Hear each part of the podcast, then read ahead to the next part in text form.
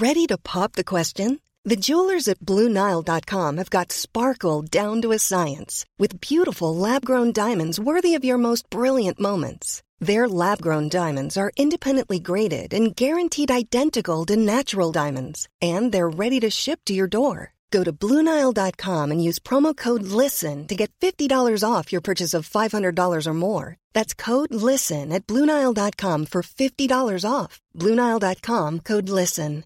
Cool fact a crocodile can't stick out its tongue. Also, you can get health insurance for a month or just under a year in some states. United Healthcare short term insurance plans, underwritten by Golden Rule Insurance Company, offer flexible, budget friendly coverage for you. Learn more at uh1.com.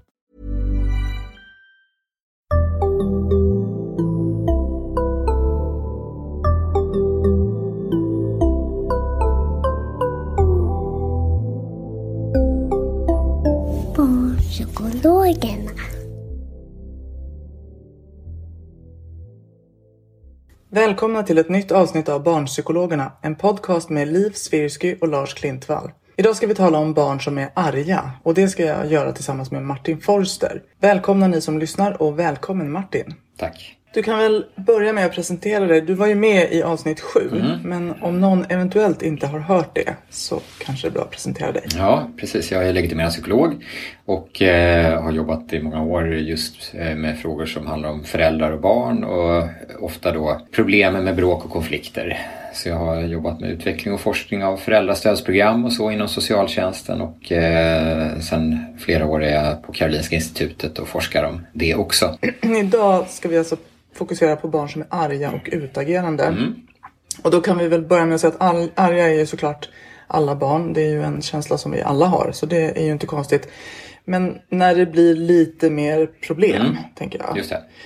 Och vi kanske ska börja med att definiera vad vi menar när vi säger att det är ett problem hos förskolebarn, och skolbarn och äldre barn, alltså tonåringar. Mm. Just det. Vill du börja helt brett eller ska vi gå på diagnoser? Nej, men vi kan börja berätta. Om vi tar ilska i sig eh, så är det ju som du säger normalt och alla förskolebarn, eh, eller en, en klar majoritet av förskolebarn har ju utbrott eh, emellanåt. Känsloutbrott där de tappar det helt och, och ligger på golvet och skriker och så. Det är ju en majoritet som har det någon gång ibland. Men sen så blir det eh, ett bekymmer om det där sker för ofta. Och då har man, man har forskat ganska mycket just om ilskutbrott på senare år här och ser att det är en mindre grupp barn.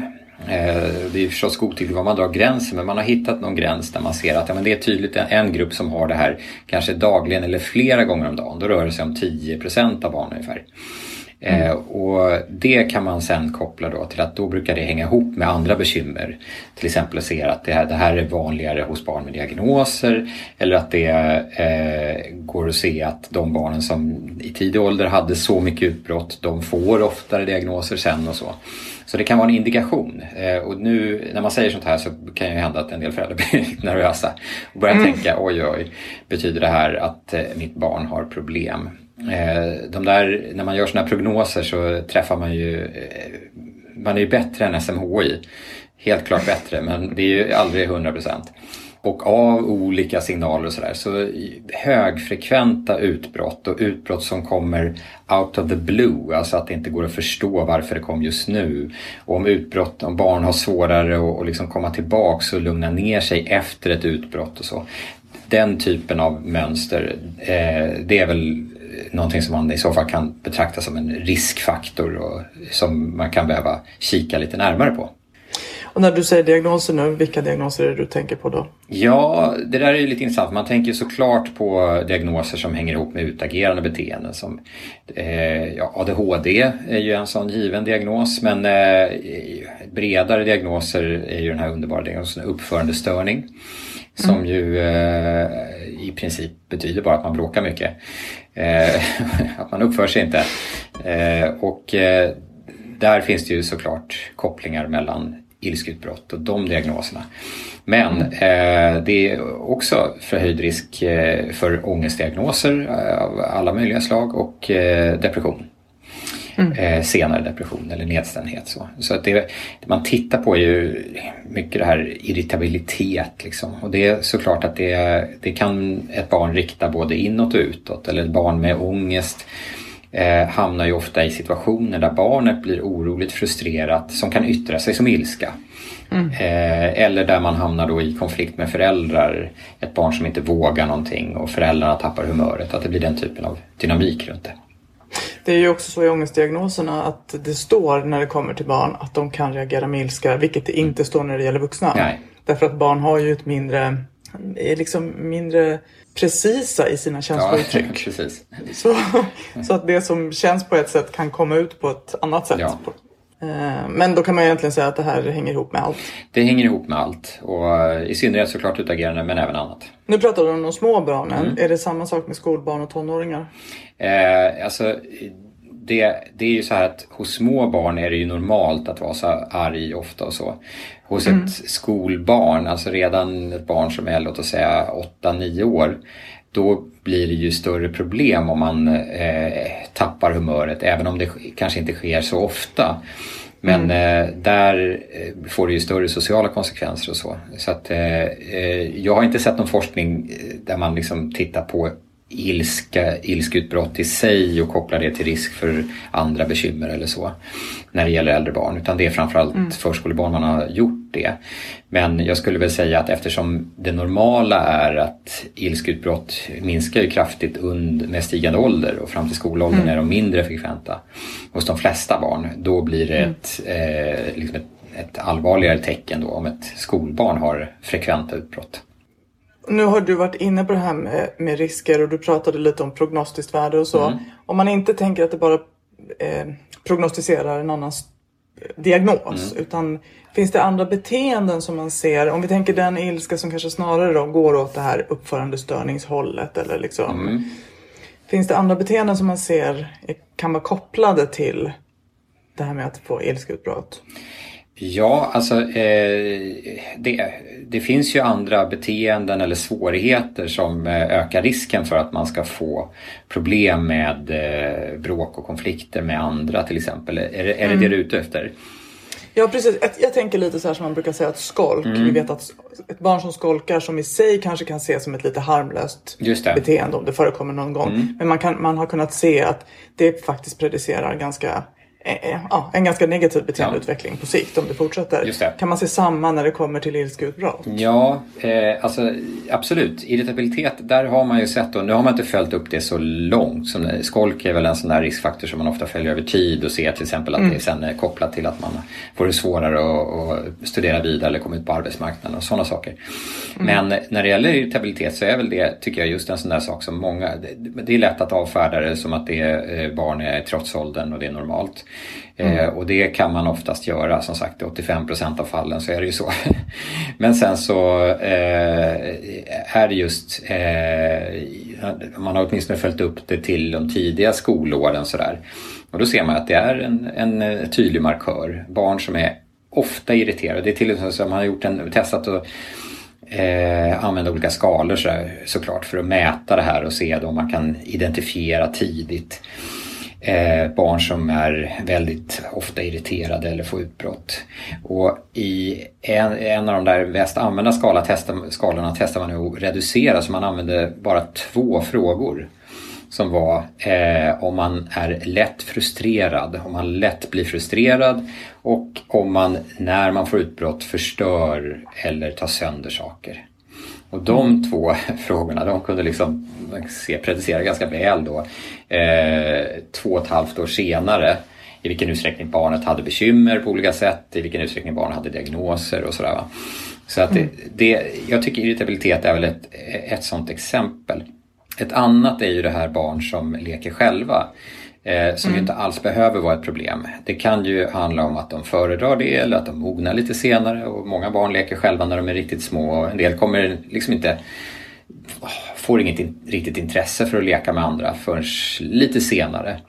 Men sen kan man ju se då att en del barn, eh, ja alltså att om man eh, studerar varför de leker själva eller hur går det om de ibland då leker med andra Eh, om man då ser att det är barn som har svårt för samspelet såklart. Om man misstänker Mm. att de har svårt att förstå eh, det sociala samspelet, tolka signaler och så. Nu vet jag inte vilka som mest lyssnar på den här podden, om det är andra psykologer eller om det är eh, allmänheten och så. Men det, som psykolog tänker man ju eh, såklart, eh, kan det här handla om autismspektrum? Eh, Finns det den typen av svårigheter?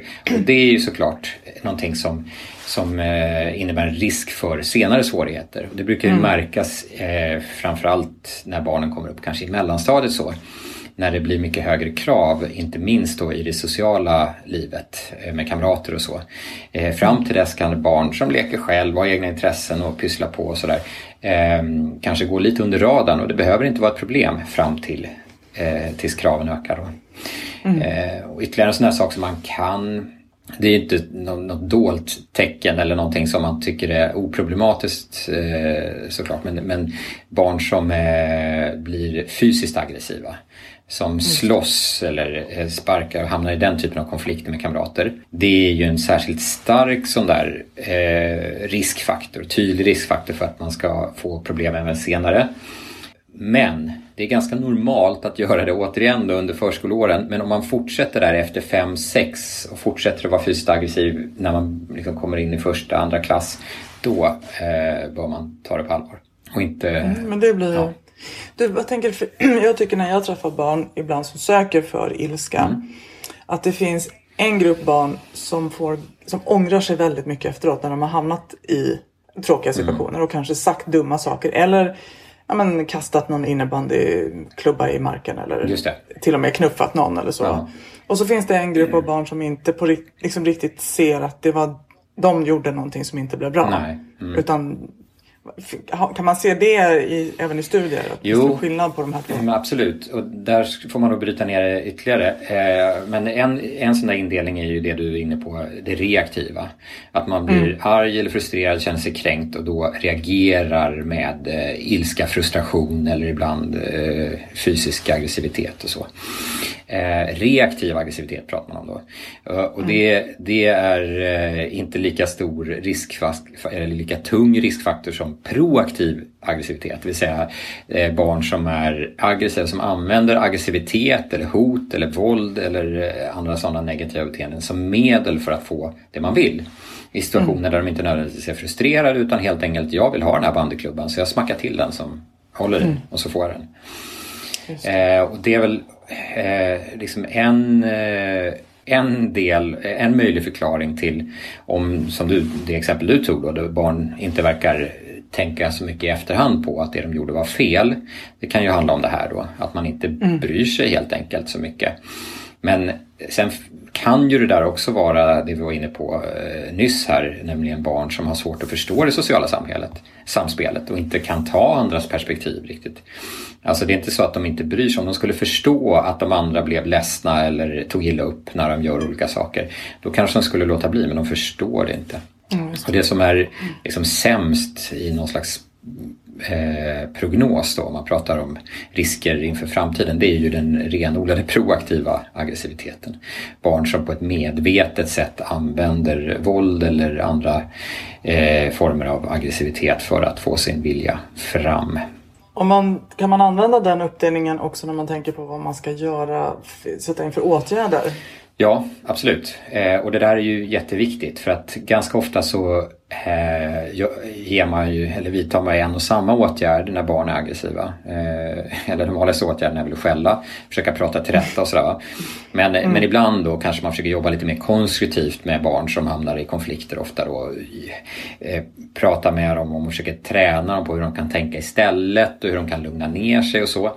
Vilket är direkt meningslöst, i vissa studier till och med kontraproduktivt för barn som framförallt eh, har proaktiv aggressivitet. De är ju inte de behöver ju inte lugna ner sig, det är inte det som är deras problem. Eh, och det finns eh, inte lika mycket eh, bra, det är, det är liksom ett återkommande fynd i sådana här eh, studier om till exempel föräldrastöd eh, till familjer där något barn är bråkigt. Ser man att det blir sämre resultat om barnen har mer av det proaktiva. Eh, och där eh, finns det inte riktigt någon eh, säker forskning på vad ska man då göra med de barnen, hur ska man hjälpa dem? Eh, de flesta rekommendationer går ut på att ja, då får man jobba väldigt mycket i varje enskild situation och ha koll och se till att inte de här negativa beteenden sanktioneras. Så och tvärtom då försöka skapa förutsättningar för att uppmuntra och förstärka alternativa sociala beteenden. Så egentligen att man förändrar lite grann konsekvenserna för barnets beteende. Det ska inte längre löna sig att eh, vara aggressiv och tvärtom så ska det löna sig mer då att vara social. Men eh, jag, jag, har inte sett någon eh, omfattande eller bra forskning eller några exempel på behandlingsprogram som visar att här lyckas vi jättebra med det här. Det är knepigare helt enkelt. Mm. Men då när du säger att det blir sämre, det är inte bara så att de inte förbättras utan det blir faktiskt en försämring nej, i sådana här vanliga... Nej, i, i regel i de studier som jag tänker på nu med föräldrastöd där har man sett att det, mm. det blir en för, förbättring i, i, snitt. Men den gruppen förbättras inte lika mycket. Som, nej, okay. Men de försämras inte nej, de här insatserna? det gör de inte. Men, men det finns exempel på studier där man har med, med ungdomar då eh, genomfört mm. social färdighetsträning som ju är just så här hur, hur ska du hantera din ilska och vad kan du göra istället om någon är dum mot dig och sådär. Eh, där man har sett försämringar. Alltså att de mm. blir mer eh, manipulativa eller aggressiva som följd av den här träningen. Och hypotesen... Alltså att man ger dem färdigheter som de använder på fel Ja, sätt. det är väl hypotesen då. Men, men eh, mm. det är ju enskilda studier och sådär och det finns inte heller någon, något konsensus runt det. Men jag, jag tänker rent teoretiskt så är det ju inte rätt behandling för ett barn med framförallt proaktiv men om vi tar de reaktiva, mm. vad, behandlingsmässigt, vad ska man göra med ja, dem? För det är ändå vanligast och de flesta barn mm. har ju kanske lite av båda och sådär. Va? Eh, så mm. de vi pratar om nu, bara för att klargöra, där det inte funkar det är ju om man har liksom en renodlad profil. Alltså den här oftast killen då på skolgården som är eh, mobbaren som eh, mm. har fått en social status som förälder. Alltså det, det är de fallen. Men mm. de flesta barn som hamnar i bråkkonflikter har ju mycket reaktivt och, och mm. det man ska göra det är ju eh, nummer ett, eh, föräldrastöd. Den enskilda insatsen som eh, både där det både finns, finns mest säkert stöd för, som det finns mest säkert stöd för och som också har bäst effekter generellt. Det är ju att ge olika typer av beteendebaserat föräldrastöd. Eh, det är liksom den enda insatsen när det gäller barn som har eh, väl etablerat stöd enligt den här standarden som amerikanska psykologförbundet brukar eh, mm. använda när de rangordnar olika insatser. Så det är det. Eh, men eh, sen så är det ju också då, så, på, andra plats kommer ju ungefär motsvarande insatser i skolan, det vill säga att lärare får handledning eh, i hur de ska bemöta de här eleverna då när de får utbrott eller hur de ska förebygga utbrott och, och sådana saker. Eh, och det, det som är gemensamt för de insatser som med bäst stöd det är ju att man jobbar egentligen med barnets omgivning. Man jobbar inte med barnet självt så mycket. Det finns ju även sådana insatser som har stöd. Social färdighetsträning nämnde jag som funkar då om man har mycket reaktiv eh, mm. aggressivitet. Men men det är inte lika gott stöd som föräldrastöd till exempel. Det är mycket stöd här. Men, eh, ehm, och eh, det finns också kombinationsinsatser där man både jobbar med barnen och parallellt med föräldrarna och så. Mm. Och när det gäller ungdomar då är det ju inte längre renodlat föräldrastöd som, som eh, funkar bäst eller där forskningen visar Eh, det pekar, då, då, är det ju snarare mer systemiska insatser. Alltså där man jobbar både med ungdomen själv, man jobbar med föräldrarna, man jobbar med skolan, man jobbar kanske med fritiden också. Eh, eftersom när man är ungdom då är man inte längre lika beroende av sina föräldrar och det är andra saker, inte minst kamrater då, som påverkar mycket mer. När du säger föräldrastöd då, det här var ju det som du pratade om i avsnitt ja. sju, men då tänker vi Komet. Ja, det är ett exempel. Eh, Skolkomet för skolan. Kanske. Ja, och det används ju i väldigt liten omfattning nu. Det, det som används har börjat spridas lite nu i Sverige som internationellt sett är stort är ju PAX eller Good Behavior Game. Det. det är för de allra yngsta barnen. Eh, som ju är en sån insats där lärarna får eh, pröva att kommunicera på lite nya sätt i klassrummet. Eh, och eh, en annan sån modell som man har prövat mycket i Norge till exempel prövas nu i Uppsala eh, som också har vuxit fram de senaste 20 åren är eh, School-wide behavior, eh, positive behavior support. Det, finns, det är långt det där. P, PBS brukar det förkortas. Positive mm. Behavior Support. Eh, och det är också, kan man säga, eh, en organisatorisk insats på skolor där man jobbar på alla nivåer.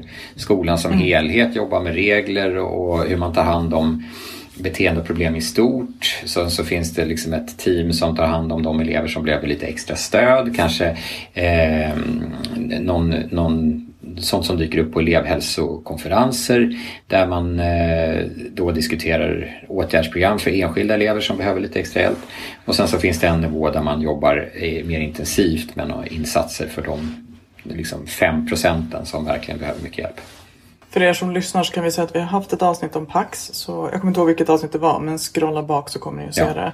Och just det här med positivt beteendestöd. Mm. Där kommer vi att ha ett avsnitt i vår ja, med Peter Karlsson. Som Perfekt, då, får ni, ska prata mer om det. då ska inte jag säga mer med risk för att säga fel. det får vi gärna göra men vill man fördjupa ja. sig ännu mer så är det bra att hålla ut sig. Mm.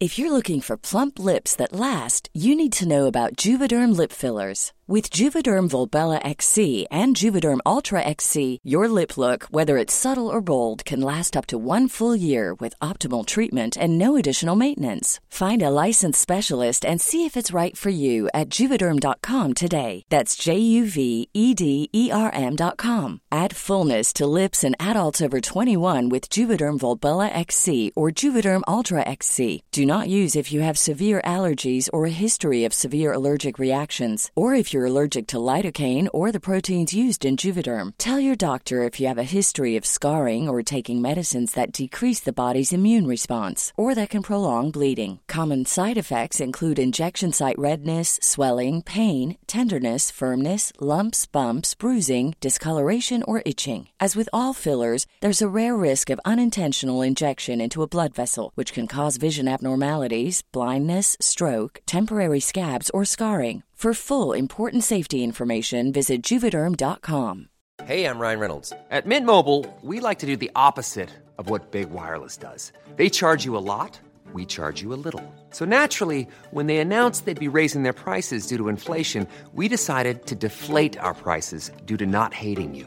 That's right. We're cutting the price of Mint Unlimited from $30 a month to just $15 a month. Give it a try at mintmobile.com slash switch. $45 upfront for three months plus taxes and fees. Promote for new customers for limited time. Unlimited more than 40 gigabytes per month. Slows. Full terms at mintmobile.com.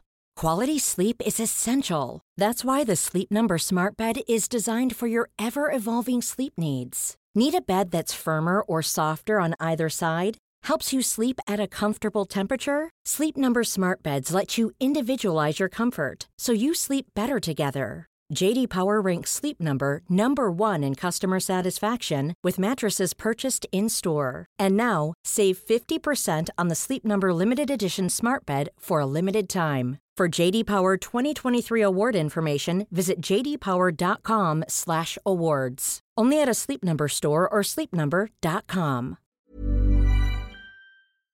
Men okay, eh, egentligen då mycket fokus på att det är inte barnet som ska som man liksom zoomar in på utan det är väldigt mycket runt barnet. Ja också. precis och det är ju det. Det är också för att eh, beteendeproblem är ju ofta så, eller utagerande problem, ilska och så, är ju ofta så eh, situationsbetingat. Mm. Eh, det är de flesta problem men i synnerhet det här. Det är ju väldigt vanligt till exempel att ett barn bråkar mycket hemma och sen är ett ljus på förskolan eller skolan. Eller tvärtom. Eh, och då är det väldigt tydligt att eh, det, är liksom, det är inte så att barnet saknar förmågan att eh, fungera socialt på ett bra sätt. Utan det är någonting i miljön som man måste åtgärda. Eh, så det blir också ur ett etiskt perspektiv ibland lite knepigt om man eh, gör insatser där man sitter och pratar med ett barn väldigt mycket om det här problemet. Det är, de är inte, det är inte de som äger problemet egentligen. Mm. Många gånger. Det som jag upplever också att många barn kom, när de kommer med de här problemen beskriver hur man har sagt till dem till exempel att när du blir arg så ska du räkna, räkna baklänges mm, eller andas djupt. Mm. Eh, och eh, vilket ju är, alltså jag tänker att man bara går till sig själv så är det en ganska verkningslös ja. strategi när man är förbannad. Den är den ska man göra när man är ganska lugn. Eh, Men det också, får ju ofta de här barnen att känna sig ganska misslyckade. För att de inte har lyckats använda de där metoderna som vuxna har sagt till dem. Verkligen. Eh, Och det tänker jag också att, att eh, det är viktigt att liksom inte lägga för mycket ansvar för dem och, och ge dem verktyg som inte är särskilt användbara utan ge dem schyssta chanser att lyckas Ja, visst. hantera sin ilska. Absolut, och jag tycker det där eh, hänger också ihop med liksom metabudskapet till de vuxna i omgivningen. Om det är ett barn som har problem som, av det här slaget, som ofta hamnar i bråk och sen så erbjuds eh, familjen eller skolan någon slags hjälp att ja, äntligen ska barnet få gå och prata med någon om det här. Då andas ju de vuxna lite grann ut och eh, budskapet blir ju att det är någonting som barnet behöver lära sig eller ändra på eller bearbeta eller någonting sånt där. Va? Och det blir, eh, det blir verkligen ett olyckligt budskap när det ofta eh, är precis tvärtom. Att det är de vuxna som måste ändra på sig. Just det. Vart vänder man sig då, om man nu har ett barn som blir mycket arg? Ja, eh, då vänder man sig såklart till Kry i första hand. Ja.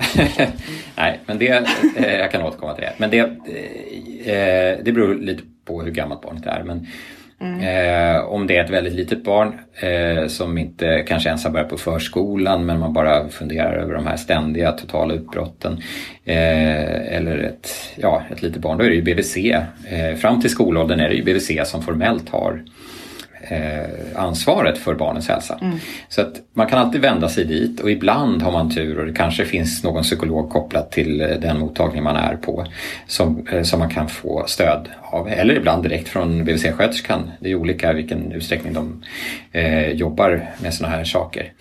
Eh, men jag skulle säga att det är väl en ganska vanlig upplevelse att man inte får så mycket hjälp därifrån. Utan BVC har ju mer fokus på andra saker och jobbar väldigt förebyggande och brett och generellt. Så om man har lite större bekymmer så är det ju en vanlig upplevelse att där, där får vi inte tillräckligt med hjälp eller ingen hjälp och så.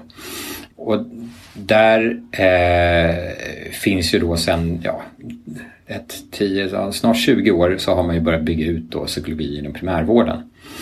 Som ju är tänkt som ett steg innan BUP, första linjen psykiatri. Så att kolla med den lokala vårdcentralen. Eh, finns det här i, i den region där vi bor? Eh, var i så fall ska jag vända mig? Och i bästa fall så finns det då någon vårdcentral eller läkarmottagning och ibland är det BUP som organiserar det här, det är olika olika regioner. Så finns det då möjlighet att få komma och där, det som är bra där är att det, det är ingen kvalgräns utan alla får komma och få en bedömning och kan få råd. Eh, och vid behov också behandling som eh, i regel inte är tidsbegränsad och så. Återigen är det olika olika regioner. Men det där är ju en jättebra eh, utveckling att man har börjat bygga ut det här. Eh, Men dessvärre så är det ju fritt val för regionerna eh, inom primärvården. Att man behöver inte ha det här.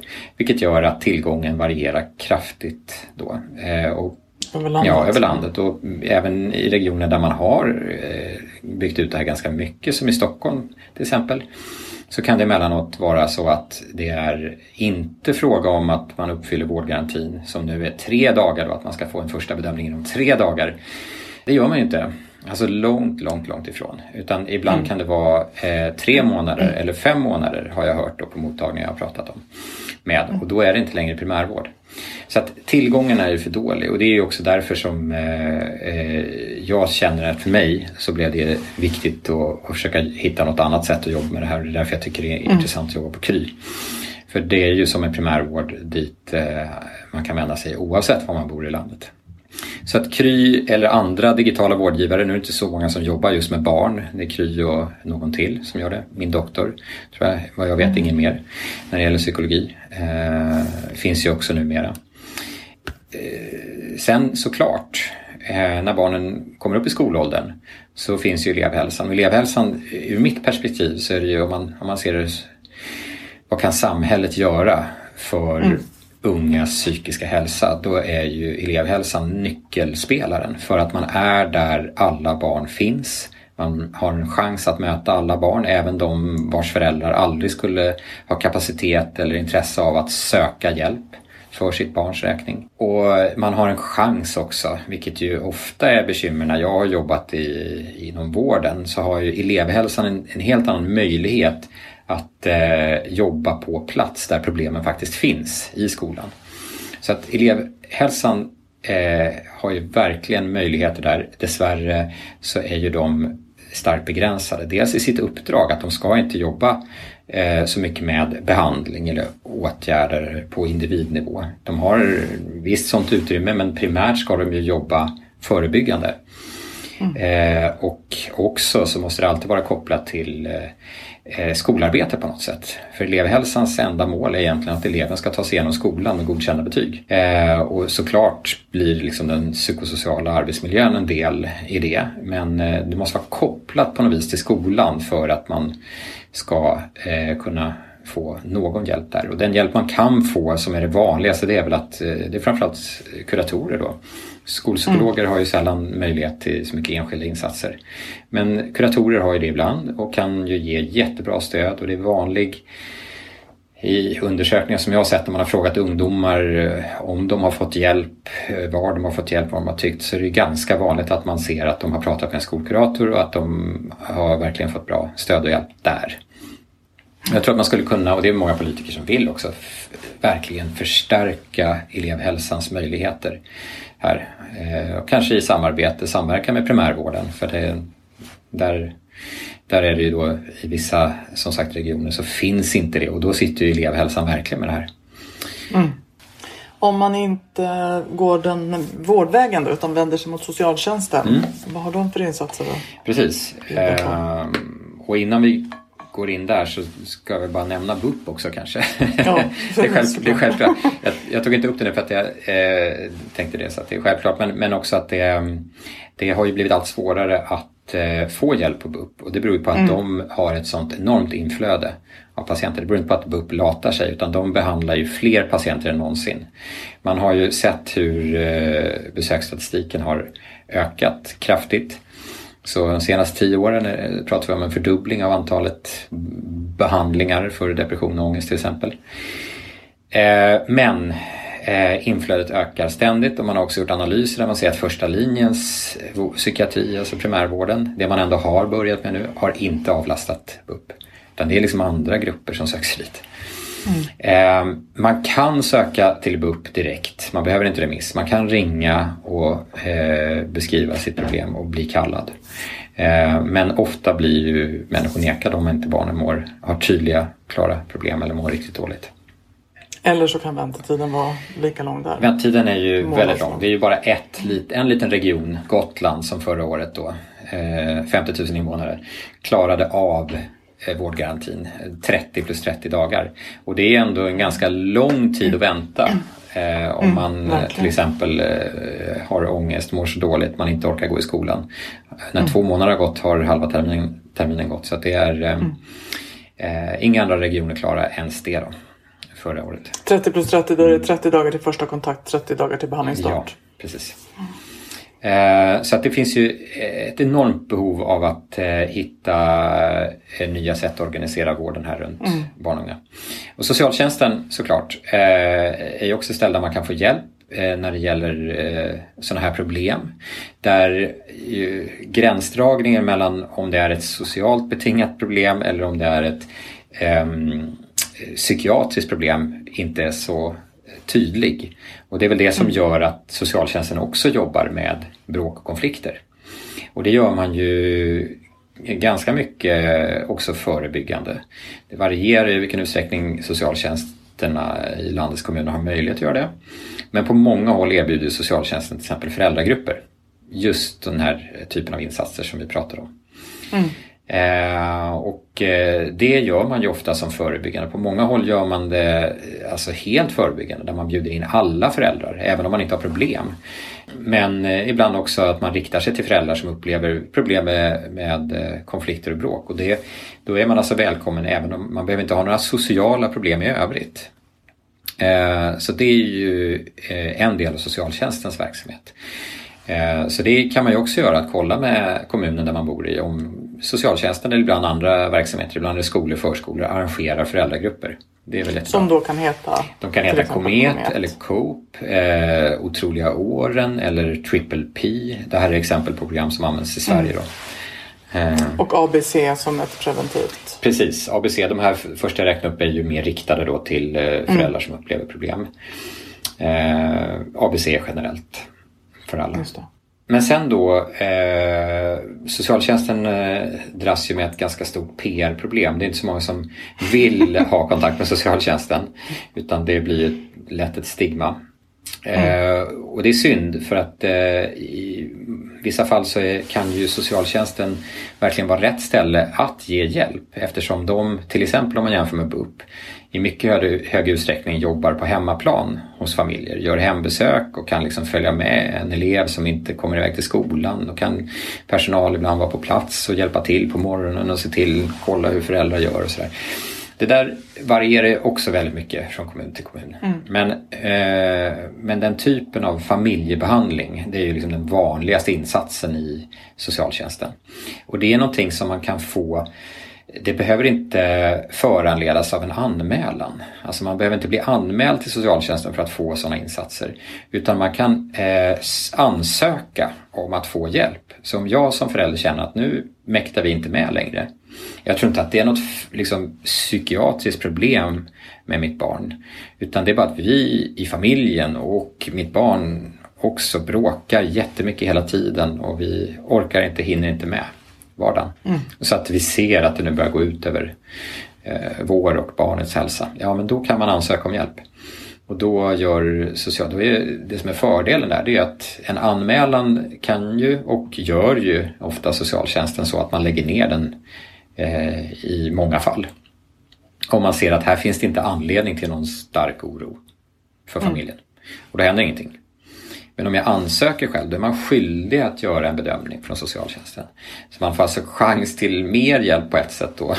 Åtminstone en bedömning där någon pratar med en och ser hur man har det. Eh, om man gör en ansökan. Hur ser kösituationen där ut då? Eller, eller väntetiden, är den lika lång? Ingen, an, ingen aning, finns inte någon sån statistik. Men eh, det jag vet är, man för statistik eh, när det gäller anmälningar till socialtjänsten, i vilken utsträckning man klarar av de gränser som är uppsatta då. Att man ska göra en akut bedömning första dygnet eh, där man då ska avgöra om man till exempel behöver placera ett barn. Om det är barn som har varit utsatt för någonting. Eh, det klarar, ja, i en undersökning här nyligen så var det väl en 25 procent som inte klarade av den gränsen. Och sen eh, ska man göra en bedömning inom två veckor om en utredning ska inledas och det klarade eh, återigen kanske 30-40 procent inte av. Så att det, det är det är också en väldigt hårt pressad verksamhet, eh, inte minst då de som jobbar med utredningar. Och sen i vilken utsträckning det finns tillgång till förebyggande insatser och behandling, det varierar ju väldigt mycket från kommun till kommun, eller ibland stadsdel till stadsdel. Och det, det är ju för att det är kommunal verksamhet, och ser det ut så. Mitt intryck är ändå, just när det kommer till de här föräldrastödsprogrammen, att de liksom går i kontinuerligt. Alltså det startas nya grupper med någon viss, eh, med någon visst intervall. Ja, Och att det inte brukar vara allt för svårt att få en plats i en sån grupp. Nej. Utan det kan hända att det är en eller två månader till gruppstart. Mm. Men eh, Absolut. åtminstone de kommuner då som har de verksamheterna. Så ja men exakt. Ibland det, kanske det är snabbare väg till vården än via till exempel primärvården eller BUP. Ja, och det som är lite paradoxalt, apropå att det här är liksom någon slags blandning av sociala eller psykiska svårigheter. Med, så, så är det ju paradoxalt att om man då deltar i en sån här grupp på socialtjänsten, kometgrupp till exempel. Om man söker hjälp hos BUP och får hjälp hos BUP för samma problem. I BUPs riktlinjer står det då, vad ska man ge en sån familj? Jo, komet, föräldrastödsbehandling. ja, så det, det blir ju lite grann samma. Sen är det ju så att BUP eh, gör ju inte bara det utan då är man patient, man är inne i systemet, man följer upp och så. Så det, det blir ett annat omhändertagande där av den enskilda familjen. Men, men absolut eh, tycker jag, om man har sådana bekymmer, det första man ska göra det är att kolla upp, går, finns det någon föräldragrupp i, i vår kommun? För det, det är den behandling som man ändå gör sen på Så. alla möjliga ställen, eller bör göra. Jättebra Martin. Mm. Eh, vi börjar närma oss slutet. Jag tänker, finns det någonting man kan läsa? Till exempel någon bok som du har? Ja, just det. Ja. Nej, men, eh, jo, men jag har ju skrivit en bok som handlar om det här eh, som är ju någon slags eh, ungefär motsvarande en sån här föräldragrupp fast eh, i bokform då. Mm. Det var den bra. Ja, så att den, den kan man ju läsa. Fem gånger mer kärlek heter den. Men mm. eh, sen finns det ju andra böcker som jag vet är väldigt eh, populära bland föräldrar. Eh, som upplever att de har fått bra hjälp av eh, till exempel eh, Ross Greens bok som heter Explosiva barn. eller för den delen Bo Hellskov Elvéns bok som heter Barn som bråkar. Och två kollegor till mig har nyligen kommit ut med en bok till föräldrar som heter, tror jag, Vad varje förälder bör veta. Eller någonting sånt. Precis, Kajsa Lönn och Mariella, Maria Lund. Ja. Där kommer ett avsnitt snart också Härligt. med Kajsa som ska prata om utgå från boken. Bra, um, då kommer den. Och sen har väl du, du har skrivit några böcker också, för den delen? Ja, ganska många böcker. Och nu minns jag inte om du har skrivit någon om just det här. Men det tror jag. Föräldrahjälpen är ju precis det här temat. Just det. Ja, men jag tänker att vi lägger länkar på vår Facebook ja. eh, så att ni som lyssnar kan gå in och se yes. vad det är vi pratar om. Mm. Finns det några hemsidor också som man kan spana in på om man vill se till exempel föräldrastödprogram och så? Mm, ja, dessvärre gör det ju inte det. Det här är väl ett bekymmer ska jag säga. Eh, för att det är mm. ingen myndighet eller eh, liksom offentlig verksamhet som tar ansvar för det förebyggande arbetet i Sverige. Det faller mellan stolarna. Eh, en mm. del har kommuner, en del har regioner. Men det är ingen som tar ansvar för till exempel att sprida föräldrastöd i Sverige även fast det mm. borde vara så som det är i Norge till exempel. Eh, så att det finns inte någon sån offentlig eller officiell eh, hemsida riktigt. Sen så är det klart, jag tror att om man söker på 1177 så kan man nog hitta lite grann av det här. Mm. Så att jag har eh, inget sånt att rekommendera. Eh, min forskargrupp på Karolinska, vi har ju en hemsida som riktar sig framförallt till professionella då. Eh, mm. Där våra forskningsprojekt beskrivs som handlar om att sprida föräldrastöd bland annat både via internet och, och eh, eh vanliga föräldragrupper och sådär. Mm. ipsykologi.se heter den. Där kan man hem, hitta lite information. Men det är ju bara just våra projekt. Så att, tyvärr mm. inget samlat, inget så som jag känner till. Ett önskemål kanske om att det ska upprättas en sån? Absolut. Och sen vet jag att enskilda kommuner eh, har ibland jättebra hemsidor och sådär stöd till föräldrar eh, med både tips och ja, eh, kontaktvägar och allt möjligt. Just det, så det kan man kolla på sin kommuns hemsida. Mm. Det är värt ett Absolut. Martin, stort tack för att du var med oss igen. Tack själv. Mycket värdefull information. Tack. Eh, och tack till er som lyssnar. Ett nytt avsnitt kommer snart och vill du vara säker på att inte missa så prenumerera på podden. Eh, och tills ni hör oss igen så följ oss på Barnpsykologerna på Facebook och på Instagram där vi heter Barnpsykologerna understreckare podd. Tack, hej!